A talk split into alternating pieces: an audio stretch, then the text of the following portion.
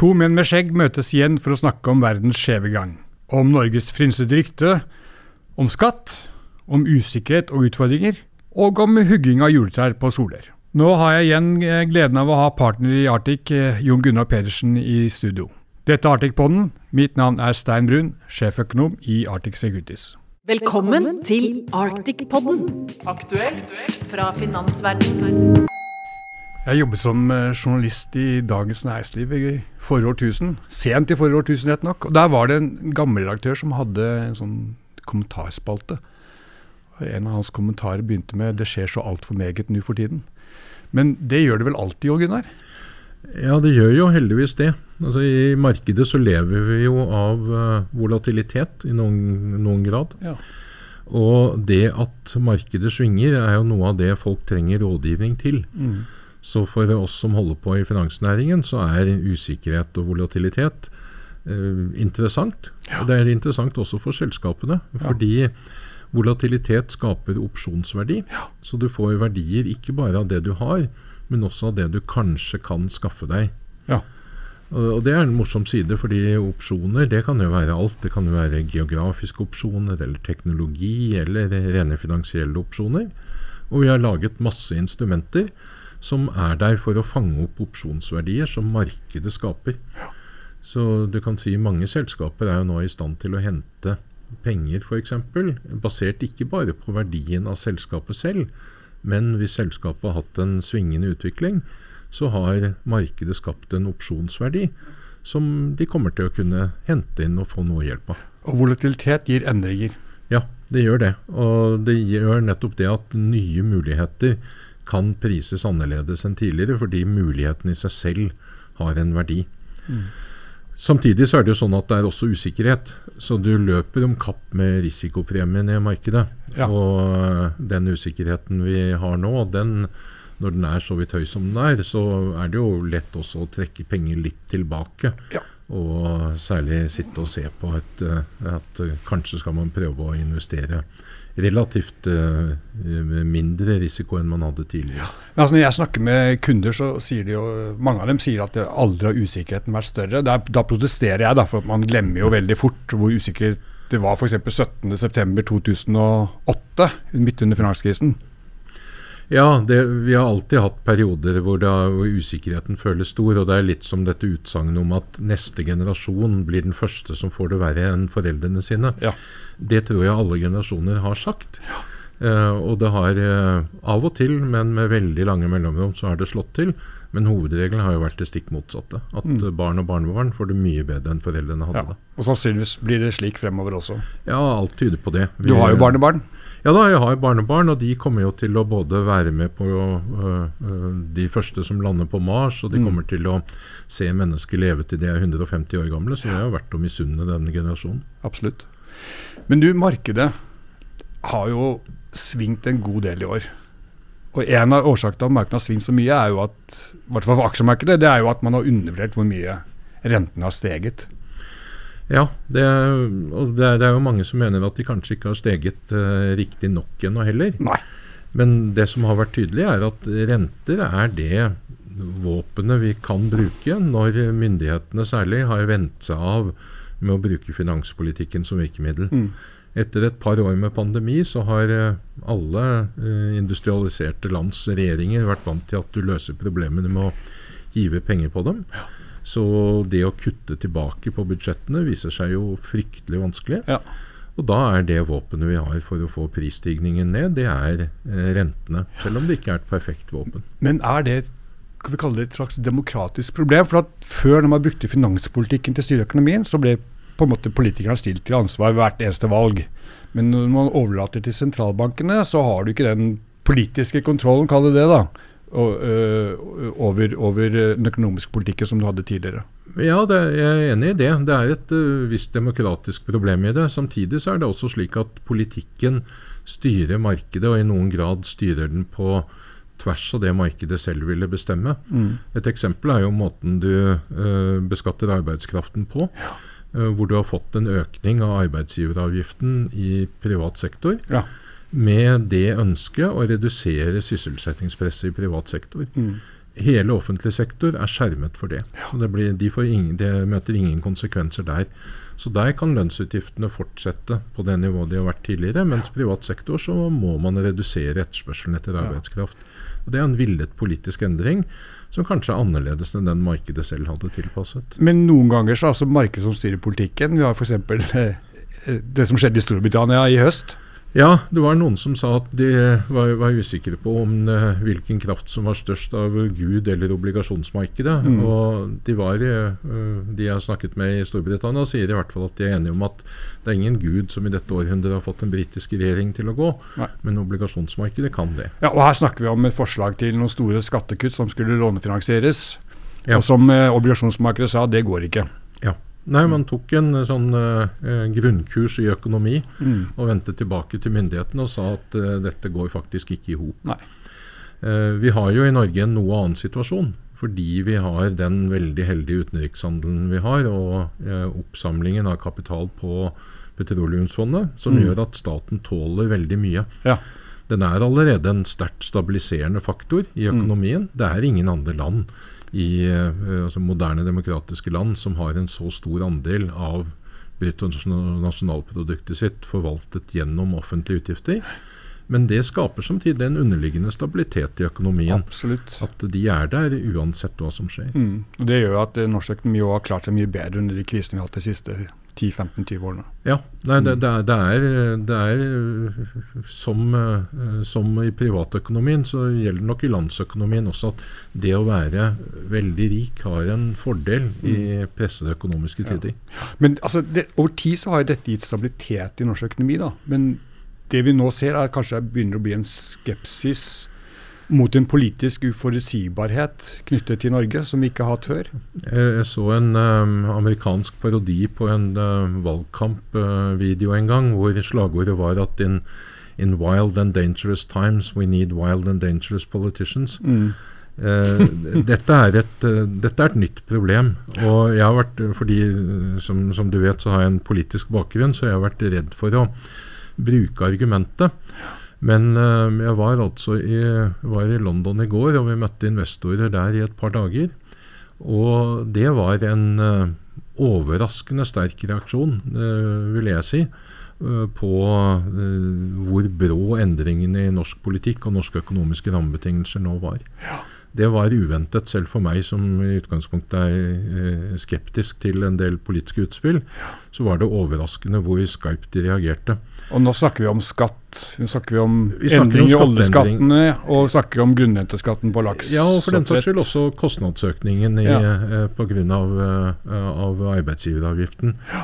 Det var en sum av veldig store skatteendringer i, i løpet av veldig kort tid, mm. som kom brått på markedet, og jo mm. ga store store utslag i markedsverdier fra en dag til en annen. Eh, som følge av rent politiske utspill. Ja. Og Det er de ikke vant til.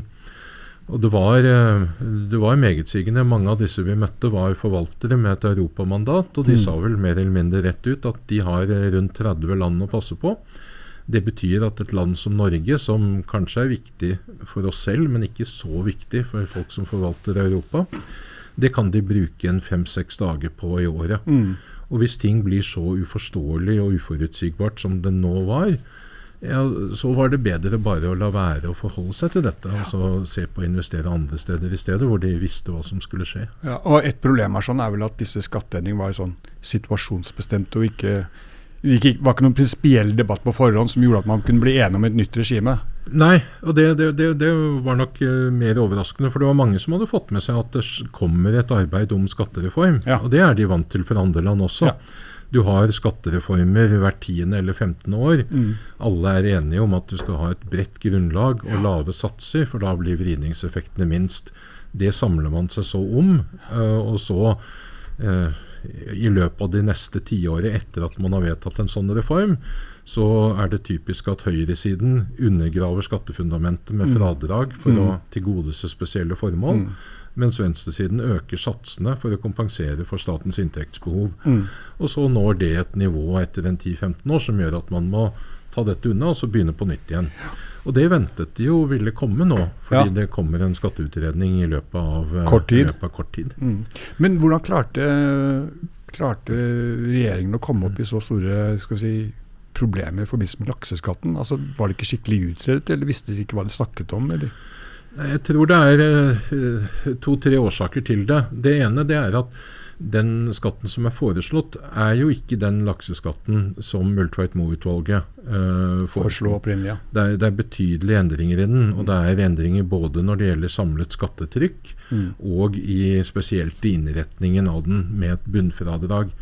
Bunnfradraget gjør jo at akkurat samme aktiva og akkurat samme inntekt får helt forskjellig skatteprosent. Uh, avhengig av hvordan selskapet ser ut. Ja. Det, er no, det, er noe nytt i norsk næringslivsbeskatning. Ja.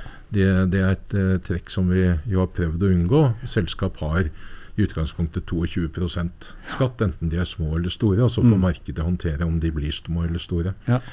Så det, det, er det ene. At den siden var jo overhodet ikke utredet. Det andre er at man fremmer en, har fremmet en skatt. Vi jobber jo mye med lakseselskap. så vi er jo ja, er På plass med en liten disclaimer her, ja. Men det, det, er det at dette får jo konsekvenser. Mm. Skatt er jo et voldsomt insentiv. Så hvis du beskatter noe høyt og noe annet lavt, ja, så må, gjør man mer av det som gir lav beskatning, og mindre av det som gir høy beskatning. Mm. Det er et prinsipp vi kjenner for godt fra alkohol- og tobakksavgiftene. Ja. Og det å tro at du kan foreta massive endringer i én del av verdikjeden for noen av selskapene som er der, uten at det får konsekvenser for hvordan verdikjeden organiseres og selskapene organiseres, mm. det er jo, er jo litt, litt, naivt. Ja. Det tredje det er, tror jeg går på dette med prinsippene.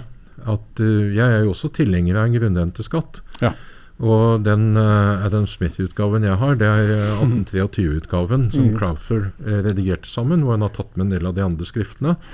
Og Der beskriver Smith veldig godt hvordan man kan, både hvorfor grunnrente oppstår, uh, hvem som har rettighetene til den. Han tilskriver en stor andel av det til The Sovereign. Mm. og at dette kan man ta inn på forskjellige måter for å hente inn skatten. Så teorien om hvordan man skal gjøre dette, den har vi hatt i 200 år og vel så det. Mm. Og i 200 år så har verdens finansdepartementer da løpt rundt og prøvd å finne måter å implementere denne type skatt på. Mm. Og så har de ikke greid det. Nei. Vi har greid i noen områder hvor vi har f.eks. i kraft, eh, kraftselskap, hvor vi har et, et eh, produkt som er kliss likt uansett hvilken produsent det er som uh, lager det. Og vi har det i oljeskatt, der prisene er eh, priset forskjellig for hvert eneste felt. Ja. Men hvor det er 19 forskjellige eh, normpriser på norsk sokkel f.eks. Ja. Men der er det også hele tiden spørsmål om å avgrense det til bestemte ledd i verdikjeden. Og selv 50 år etter at hovedprinsippene i skattesystemet for oljesektoren kom på plass, så er det jo årlige juridiske konflikter om ja, hva går egentlig innenfor grensen, og hva går utenfor. Ja. Og det å sette inn et system da i en veldig tett integrert verdikjede, og, og regne med at du kan basere det på en litt mer teoretisk tilnærming, det, det vi, jeg tror jo de tingene som har kommet frem nå, viser at det er fryktelig vanskelig, og det kan hende det medfører store samfunnsøkonomiske ineffektiviteter. Ja, så hvor tror du vi ender opp igjen? Det gjelder lakseskatten? Nei, jeg tror det er eh, nærmest 50-50. og Spørsmålet er 50 -50 mellom mellom om vi får en lakseskatt eller om vi eh, på den måten på en overskuddsskatt, eller mm. om vi får en annen innretning av den. Mm. Næringen har jo indikert, mange der i hvert fall, at de er villige til å betale mer hvis det gjøres på en måte som er mindre, mindre skadelig, altså påvirker investering i produksjon og struktur mindre mm. enn det denne skatten nå er blitt designet for å gjøre. Mm. Eh, så det kan hende eh, at vi får høyere skatt på næringen. Det, det tror jeg ligger til grunn for eh, alle forventningene. Mm. Når? Nei, Det er jo også noe av utfordringen. Det, blir, det store spørsmålet det blir om vil i skattedebatten eh, regjeringen lene seg på venstresiden og regne med at det er nok å få et flertall for et system? Mm. Eller vil du ha, sette det i sammenheng med den brede skattediskusjonen vi skal få, mm. hvor man prøver å bygge Det rasjonelle vil være å prøve å bygge et bredt flertall om et system man er enige om i over en lengre periode. Ja. Og i en ustabil tid så vil jeg jo si at uh, både markedet og folk flest etterspør jo stabilitet på de områdene de kan få det. Mm. Men hva som blir resultatet, det vet vi ennå ikke. Og Det gjør jo også at uh, når vi vet hva, hvilken skatt vi får på lakseselskapene, det vet vi kanskje ikke før vi vet hvordan den skattereformen blir behandlet. Tidligst vil det være mars-april. Ja. Regjeringen skal vel nå gjøre noe med den høringen de har, har satt i gang, så Mm. de skal jo bearbeide den. Ja. Komme med et forslag. Der er høringsfristen er første uken i januar, er det ikke Ja, stemmer. 4. januar. Mm. Uh, Men det vil jo ta et par måneder å bearbeide tingene og eventuelt foreta justeringer i forslaget. Og Så blir jo det et utspill som så skal diskuteres i Stortinget. Og Da er spørsmålet skal det diskuteres i Stortinget, eller skal det bare vedtas Mm. fordi regjeringen har stemmene til å gjøre det. Ja. Så dine venner holdt jeg på å si, i eh, London City de vil fortsatt leve i usikkerhet en, en stund til? Ja, det var den tydelige beskjeden de hadde. At uh, dette orket de jo ikke å følge med i detalj på. Nei. For, det, for en London-investor skulle vite hvordan i all verden dette går. Ja. Da, da er det viktigere ting de har å gjøre. Så, og heller bruke tid på hvordan blir skattesystemet i andre store land hvor de har mye penger investert, enn å skulle følge med på hva som skjer i et, et marked som de strengt tatt ikke trenger å være investert i. Et annet tema som også går på stabilitet, og ustabilitet. Eh, globalisering, deglobalisering, er jo veldig mye snakk om at eh, den tidligere globaliseringstrenden nå reverseres. Eh, og Det går bl.a. på etter pandemien med forsyningssikkerhet og, og sånne ting. Eh, det åpner jo også ganske interessante muligheter sånn markedsmessig. Ja, det gjør det. Eh, Jeg tror det store spørsmålet der blir hvorvidt eh, USA og Europa greier å holde en fornuftig tone i forhold til hverandre. Mm. Eh, For eh, at vi går i en retning hvor det blir noe eh, høyere blokker mellom, eh, mellom de, eller grenser mellom de ulike eh, handelsblokkene, det, det syns jeg jo mange observerer at vi, eh, at vi får. Eh, og det er, det er gode grunner til å se på det, fordi vi har noen andre verdisystemer og noen andre fellestrekk eh, internt i Europa f.eks. enn vi har hos noen av de andre handelsblokkene. Ja. Så at vi kommer til å leve i en annen handelsverden de neste 10-20 årene enn vi har gjort de siste foregående 10-20 årene, det tror jeg klart ligger der. Ja, og så har vi det skisma mellom eh, USA og Kina. Hvor Kina utfordrer USAs posisjoner på mange områder. Ja da. og så jeg, har, jeg er jo en av dem som egentlig aldri har vært redd Kinas styrke, men mer dets svakhet. Mm. Det er et land som eh, nå tar tilbake den plassen i verdensøkonomien de hadde for uh, 500-600-700 år siden. Ja. Så det, et så stort land skal jo ha en stor innflytelse Absolutt. på verdensøkonomien og i Mm. og for seg internasjonal politikk. Mm. Men uh, det er jo et system som bruker veldig tøffe virkemidler for å holde landene samlet. Ja. Og um, det at du strammer inn hele tiden på opposisjon, på politikk, på pressefrihet og på økonomi, det er jo av de tingene som forteller om en inneliggende usikkerhet på egen styrke. Ja. Eh, Det er jo kanskje noe vi har sett at eh, når man reagerer veldig hårsårt på kritikk fra utlandet, så er jo det ofte et symbol eller et tegn på at man er litt usikker internt. Ja, Men det har jo noe med eh, styresett å gjøre. Autoritære styresett er jo veldig vare for Ja. bli utsatt for kritikk. Det, det, det er det. Og Mm. det betyr ikke at de nødvendigvis er veldig stabile, men det betyr at endringene kommer ikke i årvisse eh, drypp eller i valg, vanlige valgperioder, sånn som de gjør i demokratiet. De kommer jo veldig brått når noe først skjer. Mm. Og det er, Kina er jo et land med enorme ulikheter. Ja. Eh, som, som ikke hadde vært akseptert i, i noen vestlige land. Det er, ulikheten er større i Kina enn det er i USA. Det er vel kanskje en av grunnene til eh, en del av de endringene vi har sett i Kina. Altså Common prosperity har jo vært et slagord for eh, Xi Jinping i hvert fall et par år. Ja, og, og veldig forståelig også. Mm. Eh, det er mm, i, et, I et slikt land så er jo folk egentlig ganske godt informert. Du kan si Store deler av befolkningen henter sikkert sin nyhetsstrøm fra statlig kontrollerte medier. Mm. Men uh, en stor opplyst mengde mennesker i Kina har full tilgang til internasjonale nyheter og skjønner hva som skjer i utlandet og hva som sies om dem der. Og en stor gruppe i Kina, det betyr jo plutselig 100 millioner mennesker. Ja. Så det er, eh, Ja, det, er Man ikke, glemmer ofte det. det er ikke ting man kan, kan overse, verken internasjonalt eller i, eller i Kina. Nei.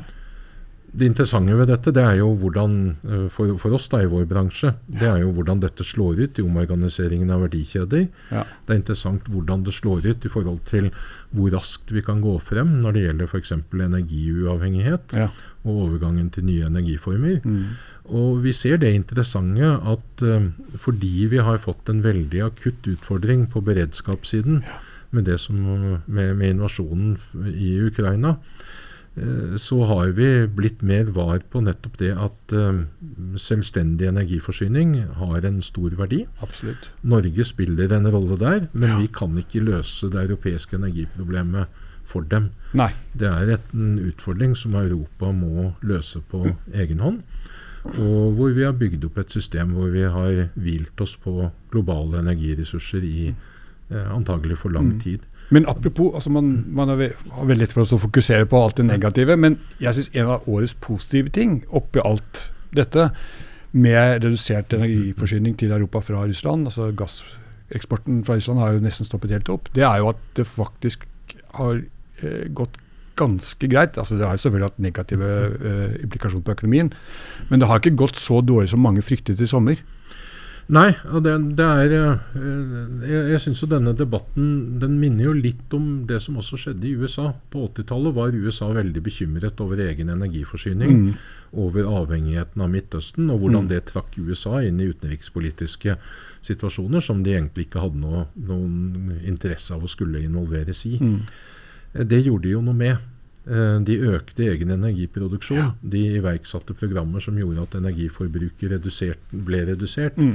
Eh, selv om amerikanerne bruker vanvittig mye olje på å drive bilene sine, ja. så kjører jo selv amerikanske biler mye mer effektivt nå enn de gjorde for, for, for 20 30 år siden. Ja. Og noe av det samme ser vi jo nå skjer hos oss også. Mm. Og for meg som er tilhenger av markedet, så, så, ser jeg jo med glede hvordan markedet løser sånne problemer. Mm. Du så det allerede under pandemien. Hvordan vi greide å opprettholde internasjonale forsyningslinjer ja. nesten uforstyrret ja. i den største nedstenging av kommunikasjoner vi noensinne har hatt. Ja, det er helt utrolig. Så, og det, hvordan produksjon oppstod, hvor ja. det plutselig viste seg at ja, men vi kan jo lage munnbind både i Bergen og på Gjøvik og mm. andre steder og hvordan kreativiteten da kom til, eh, til utløp. Ja, det var jo veldig mye, altså Den gang var det jo veldig mye fokus på at uh, varestrømmene stoppet opp, eller at uh, skip ikke kom til havn. eller ikke... Ja.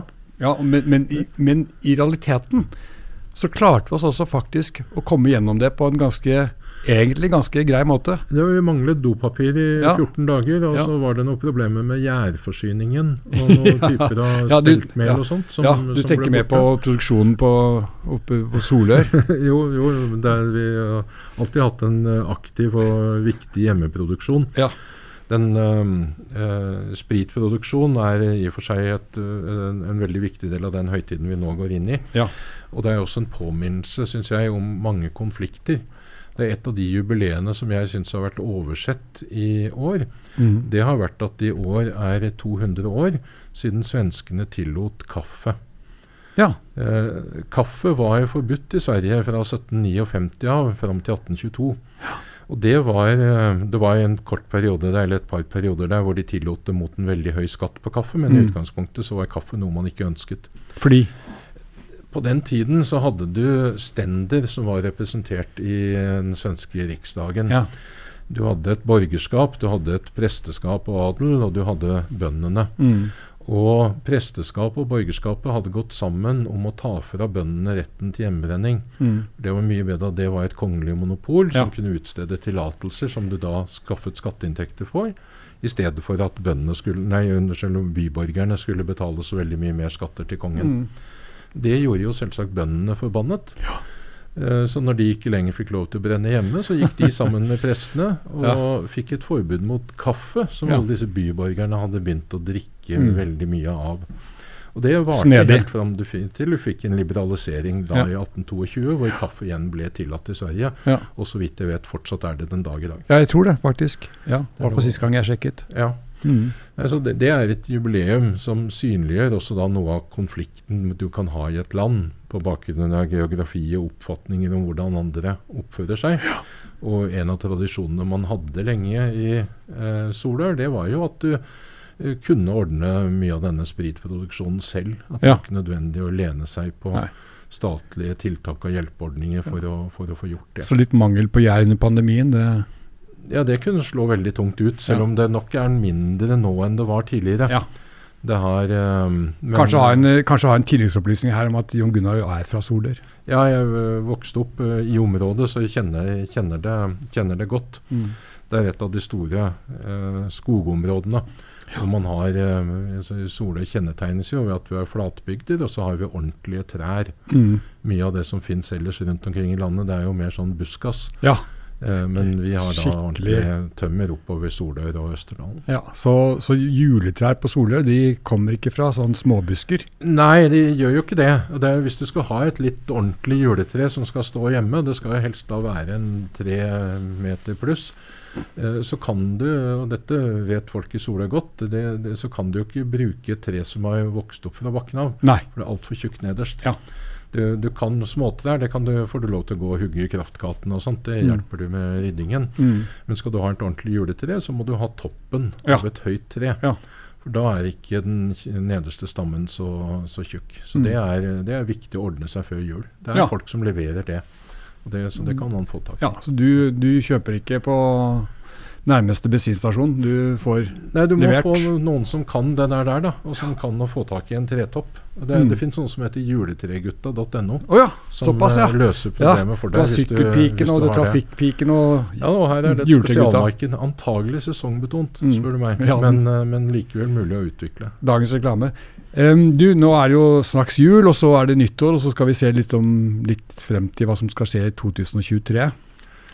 Ja, det er, vi er vel ikke ferdig med renteoppgangen i Norge. Nei. Men vi ser jo at, som du var inne på, rentene økte kraftig. Ja. Vi importerte renteøkninger eh, mer eller mindre før Norges Bank rakk å komme med dem. Og renteøkningen i USA og prisstigningsutviklingen der viser Mm. jo at det faktisk virker. Ja. Så inn i neste år så begynner vi jo nå å kunne gjette på når toppen av rentekurven er, Ja.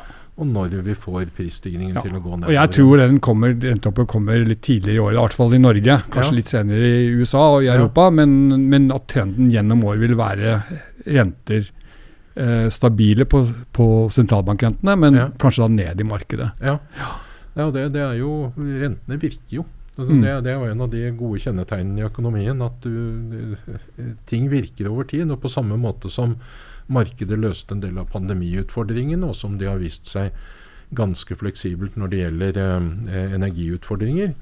Så hvis markedet tillates å virke, så kan det reparere på veldig mange ting. Ja. Uh, Det er jo en, av de tingene som vi snakket om sist også. Det at er det noe jeg er opptatt av, så er det at prisingssignalene i økonomien virker. Ja. Du kan alltid kompensere, og du bør kompensere for uheldige utslag, bl.a. Mm. når det gjelder fordeling. Mm. Men du må ikke ødelegge den underliggende prismekanismen. Rente brukes for å dempe aktiviteten i økonomien Ja. når sentralbankene styrer den. Ja. Og når det ikke er nødvendig lenger, så skal du ikke gjøre det. Nei, men nå ser vi at lange renter har jo allerede kommet ganske mye ned da, Ja. fra toppen. Ja. Så de ødelegger på litt på, litt på en, en, en måte å ødelegge litt for sentralbankene. Fordi de, særlig i USA, hvor lange renter liksom er styrings, eller eh, grunnleggende for både eh, rentebetingelser for både private og altså husholdninger og bedrifter, Ja. så er den rentenedgangen den konter på en måte den innstrammingen som sentralbanken ønsker å få til gjennom å heve styringsrenten. Ja da, og det, det, men det forteller jo kanskje Jeg vet ikke om det er en sånn psykologisk effekt i det også. At amerikanerne er kanskje enda flinkere enn oss nordmenn til å være optimister. Ja. Eh, og ikke minst det at de kan lene seg på et finansmarked som da har utviklet alle disse risikodempende instrumentene, gjør jo at du kan tørre å være litt mer optimist enn du var tidligere. Ja, men samtidig så er det jo slik da at vi er jo verdensmestere i å ha eh, boliglån på flytende rente, og også strømavtalene våre på flytende kraftpris. Så vi er, må jo være optimister vi også, da. Ja da, vi er, vi er jo det. Vi, er et, uh, vi har en skippertaksmentalitet som gjør at vi tør å ta risiko i en del områder. Mm. Og det kan føre til veldig gode resultater. Mm. Jevnt over så ser det ut til at, uh, som man pleier å si om norske tradisjoner, de har tjent oss godt. Mm. Og det samme gjelder juletradisjonene. Ja, jeg tror den norske juletradisjonen er, øh, er ganske viktig, både for økonomien, Ja. omsetningen i den, Ja. og fordi den markerer overgangen til at det er et nytt år. Ja. Det er ikke tilfeldig at den havnet på denne tiden av Mm. året. Det er, det er eh, mørkt og surt der ute, Ja. eh, og nå snur det. Mm. Og litt av det samme er kanskje nettopp det vi ser i økonomien. Mm. At vi har tidligere gravd oss ned et kaninhull av usikkerhet om prisstigning og renteøkninger og fortsatt krig osv. Ja. Og så viser det seg jo at vi har en underliggende styrke i økonomien. Vi har en underliggende fasthet i det vestlige eh, internasjonale samarbeidet. Ja. Og, og vi har altså da et marked som allerede begynner å si ok, eh, vi skal gjennom en renteperiode, vi skal, økonomien skal svekkes noe, men hva skjer på andre siden? Og det vi, aksjemarkedet er jo da i ferd med nå å inndiskontere både annet halvår 23 Ja. og hva som skal skje Ja. i 2024. Ja, Det er et annet bilde enn vi har hatt. Absolutt. Altså, resesjon i vinter er jo konsensus. Men så begynner vi å se hva som er lenger frem i tid. Mm. Og det er, det er en, det er en veldig god julepakke å ta med seg. At du, du åpner noe som ok, det skal bli litt tøffere, men januar er jo alltid litt vanskelig. det er det. Lommeboka er tom. Ja. Så øh, når vi kommer ut på, øh, ut på høsten og er gjennom, så øh, tror jeg folk begynner å se at dette, dette kan se mye bedre ut. ja, så du ser fortrøstningsfullt på 2023. Jeg er nordmann, og vi gjør Ja. jo det. Da, da må jeg ønske deg god jul, Jon Gunnar. Ja, takk i like måte. This podcast has been prepared by Arctic for information purposes only. The information, opinions, and recommendations presented in this podcast are for general information only, and any reliance on the information provided in this podcast is done at your own risk. This podcast should not be considered professional advice. The information provided in this podcast is not intended to constitute investment advice, nor is the information intended as an offer or solicitation for the purchase or sale of any financial instrument. Relevant and specific professional advice should always be obtained before making any investment or credit decision. It is important to note that past performance is not indicative of future results. This podcast does not fulfill the criteria for preparing investment research and must be seen as marketing material. All information submitted during this podcast is obtained from public sources that Arctic believes to be reliable, but which Arctic has not independently verified. Arctic makes no guarantee, representation, or warranty as to its accuracy or completeness. No liability whatsoever is accepted for any direct or indirect, including consequential loss or expense arising from the use of information from this podcast.